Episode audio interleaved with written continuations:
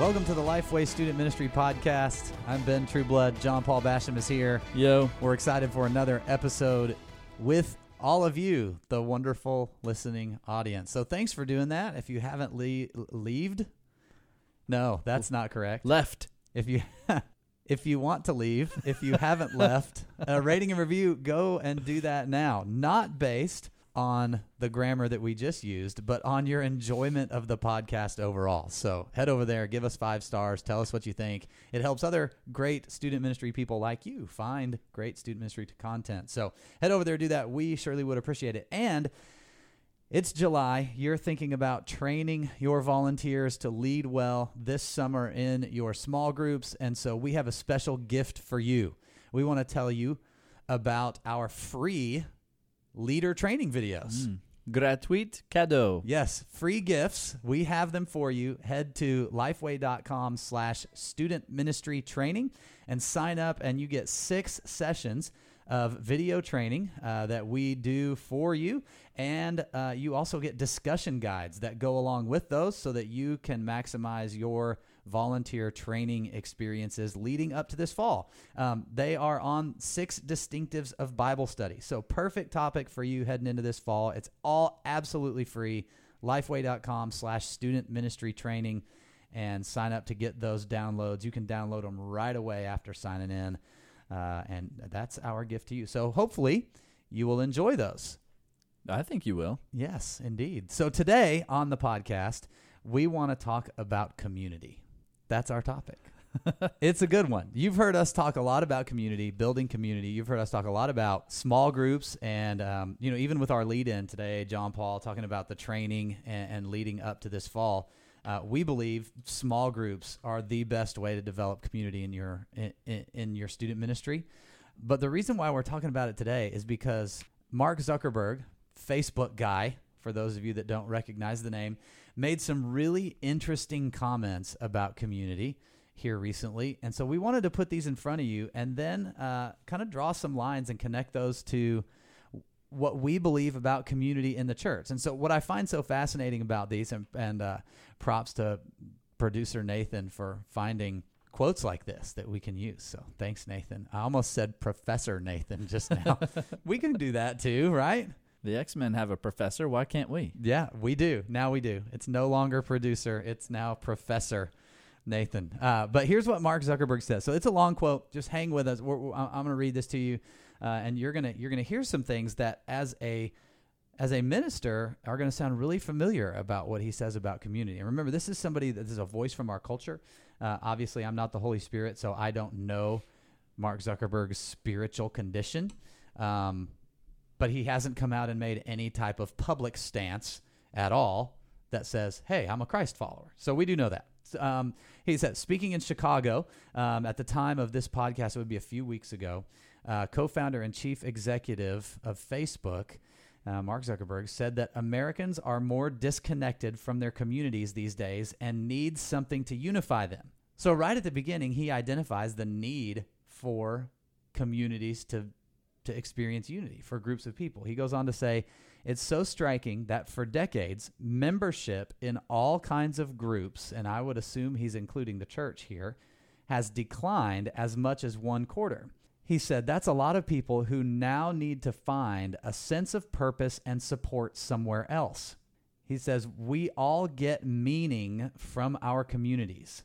Whether they're churches, sports teams, or neighborhood groups, they give us the strength to expand our horizons and care about broader issues. Studies have proven the more connected we are, the happier we feel and the healthier we are, he said. People who go to church are more likely to volunteer and give to charity, not just because they're religious, but because they're part of a community. Zuckerberg is in the middle of a year long effort to visit every state and meet the people who use Facebook, who use his network, who use his community. Uh, he he's obviously here hoping to boost Facebook as well, right? Like, let's all be honest with that. Like, he's talking in terms of, hey, Facebook can provide this. He says, if we can do this, meaning organizing communities, that Facebook, in the absence of all of these membership organizations, in the in their decline, he says if we can do this, if we can organize communities, it will not only turn around the whole decline in community membership that we've seen for decades, it will start to strengthen our social fabric and bring the world closer together. So he he uses some church examples as places for community and the results that that community brings. He talks about happiness. He talks about uh, talks about health. Uh, he talks about specifically to church, they give to charity and they're more likely to volunteer not because of the religion, but because they're part of a community. Um, and, and, and he seemed to he seems to be leading here that Facebook can fill the gap that all these other things that are supposed to provide community are failing at right now. Like that's the essence of what he's saying, right? I wonder if he would say that there's a Facebook shaped hole in all of our hearts. I, I, he's trying to fill it. I know that much. so, what are the issues? Well, I, what issues? The issues with him or his statement or community? There are which issues? No, I th- I think one of the major things that that we as ministers should ask the question is if our culture believes now he's one voice and he owns you know he's the president of Facebook so he obviously he wants Facebook to fill this gap. But I think one of the questions we need to ask as ministers is is there a gap in the community that my students are experiencing? Like in our small groups in our churches in in our in our student ministry specifically is there a gap in community that is forcing people to go outside of the church to experience real community, real relationships? I think that's a huge question for us in this. Yes. And also, kind of that analysis of has your church ever made it clear and obvious to the people that the church is the primary place for real community? Yeah. So I, th- I think it's obvious that there's a need in the lives of students for community. It's not always obvious to students that the church is the place to find it. Yeah. Because sometimes church is just it's the checkbox. It's where you go for programming. You know, you go so in a, in a southern southeastern culture, that's just what a lot of people do Sunday morning. They go to church. Mm-hmm. But there's no sense of you know well the, the real the real goal here would be to find community and do life with these people it's it's really just uh, another activity on, on the list Yeah. And are those and are those small gr- groups organized in such a way that gives uh, that gives space for people to do to do that life together? That yes, we want biblical Christ-centered community. Uh, that that's what we're called to do. We're not called just to like go hang out together. Uh, we're we're called to for it to be centered on something. Um, but when we talk about small groups, uh, student pastor, I would ask you when you talk about your small groups, do you just say, "Hey, we'll see you Sunday," or "Hey, come to small group," or "Hey, everybody needs to be in a small group," or do you take the time to unpack to your students exactly what the vision for those small groups are, and and like to John Paul's point, do they understand that community is built and developed as a part of those small groups, or do they just see them as the checkbox? And I think a lot of times in our language and the way we talk about it, it's subtle, but we lead people to the checkbox rather than leading them to, hey, this is the purpose of this thing, and this is why you need it in your life. yeah. And I don't, I, I would say at the outset too, I don't think it's wrong that people are involved in multiple communities. No uh, your sport. You know, he mentioned sports teams and other things here. Like I think your students can be involved in a community that comes from a sports team or a musical uh, uh, instrument or band or something like. They can be involved in several communities, um, but I do think there needs to be an instructed and visual realism to the community that you're building in your church as a picture of the gospel and what real community should be like.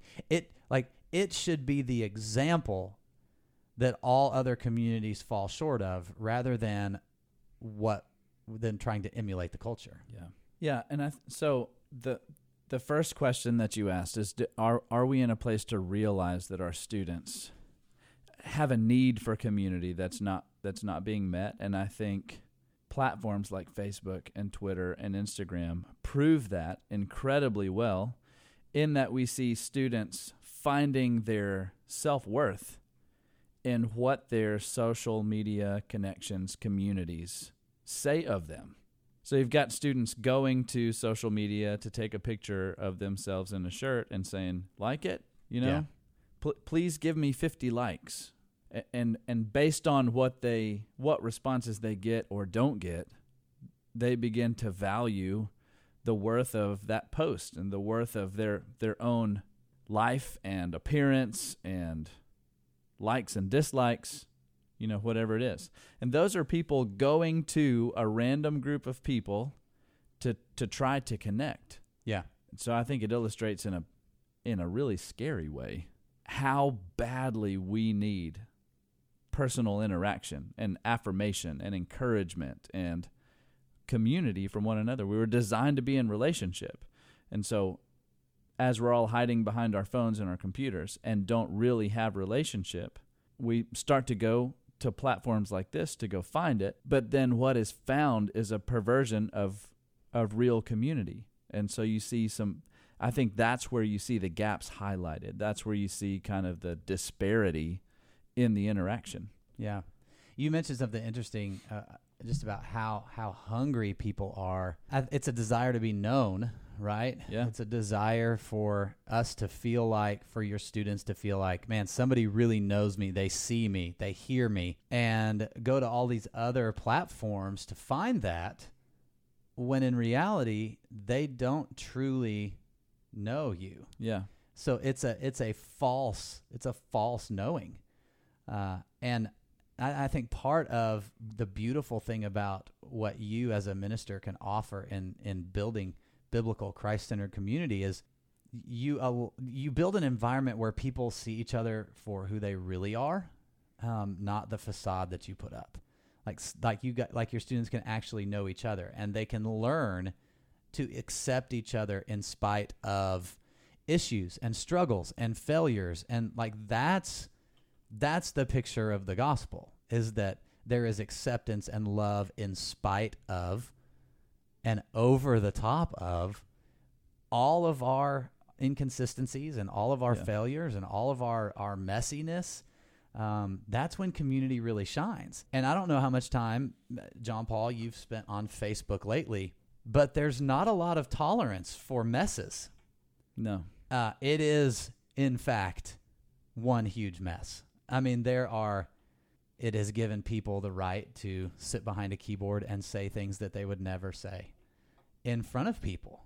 They, they would never say it face to face with someone, Yeah. uh, and and- and so it has increased the harshness.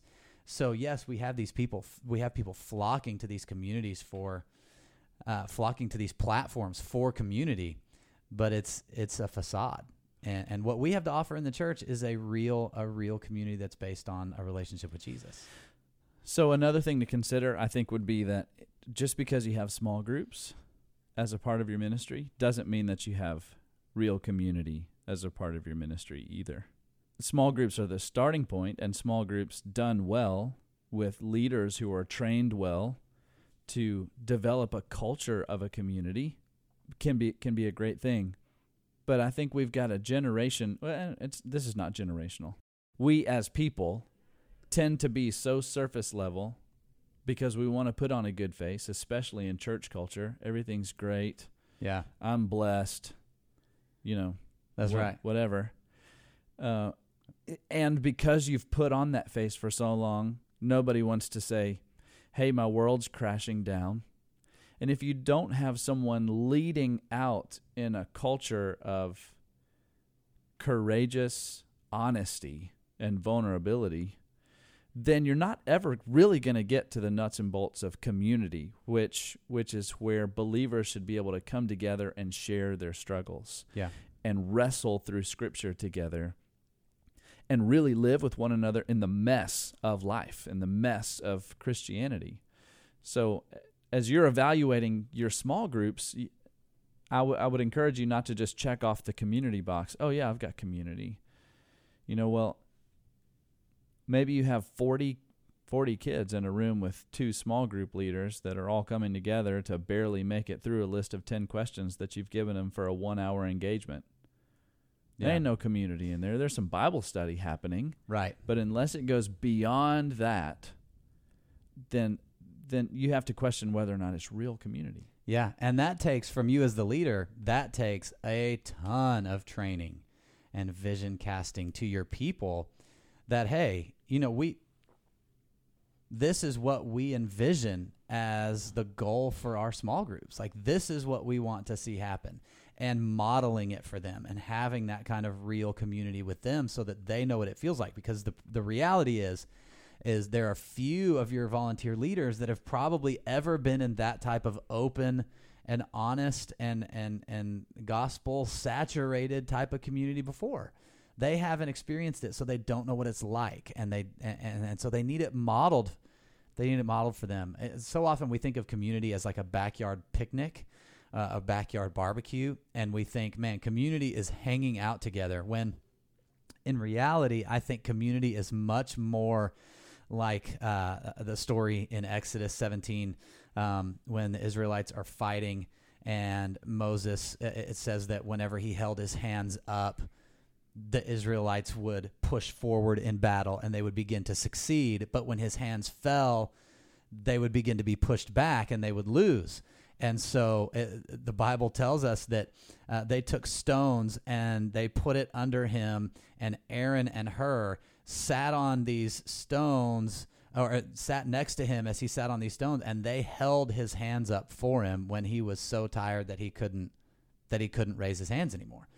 I mean, if you go out and try to hold your hands up in the air for 10 hours, like that that you can't. Like it's super difficult. You need help to do that. Yeah. And he was getting exhausted and in order for the people of God to accomplish the work of God in that moment, he needed the people around him to fill in the gap where he was inadequate, where he was unable to do it. And I, I think community looks a lot more like that than the backyard bi- barbecue. I think we should create a workout program with stones and raising our hands yeah to the sky. I bet that dude his shoulders are killing him for a couple of days. Without question. I bet Aaron and Hur's like they their arms were probably tired from holding his up. Yeah. I mean that battles aren't short, right? Like I've never been in a battle like this before. Any, really. Maybe a virtual one. But without question. uh, but I've never been in this kind of anyway. I I think we man, to get students who are super critical by nature to to allow inadequacies to show. Yeah. Uh, it takes a lot of time and training and prayer and uh, and modeling for that to r- truly happen. And it and it takes strong recruiting too. Y- you've got to have some leaders that are willing to go there. Yeah. And those leaders are are they're gonna they're gonna be the ones that are willing to do life with students, no matter what what that spits out at them. Yeah. So it's that's all about having the right people doing the training, doing the leading, doing the investing, all the way around. And then, man, it, it's not just community for the students because those leaders are going to get beat up while they're doing that for students. And if they don't ever have somebody pouring into them, they just won't last very long. So making sure that your leaders are given a place of community so that they're poured into and have something to give Yeah. is is just as important. That's right. Well, the, the church uh, is created to be uh, the greatest community, greatest example of community that there's ever been to meet the natural need that people have for community. Uh, and and the cool thing about that is through Jesus, God's given us everything that we need to be able to participate in that community. And you, as a student ministry leader, can lead the charge in this. Uh, our culture sees community as valuable. Our culture sees community as something that is needed. You see people that need community all the time. We just need to take the extra steps to be intentional, to say, this is what we're trying to do here. This is what it's like. And I think that you in your church can lead the way in, in community. That Facebook doesn't have to fill the gaps that the church is having in community, but that instead people can flock to what God is doing in the church, in His church, both lowercase c, your context, and uppercase c, the kingdom of God, His church. people can flock to that because they see how God is moving and and and and orchestrating community among His people. Any any last words? No. Nope. All right. Thanks for listening. This has been the Lifeway Student Ministry Podcast. We will catch you next time. See ya. See ya.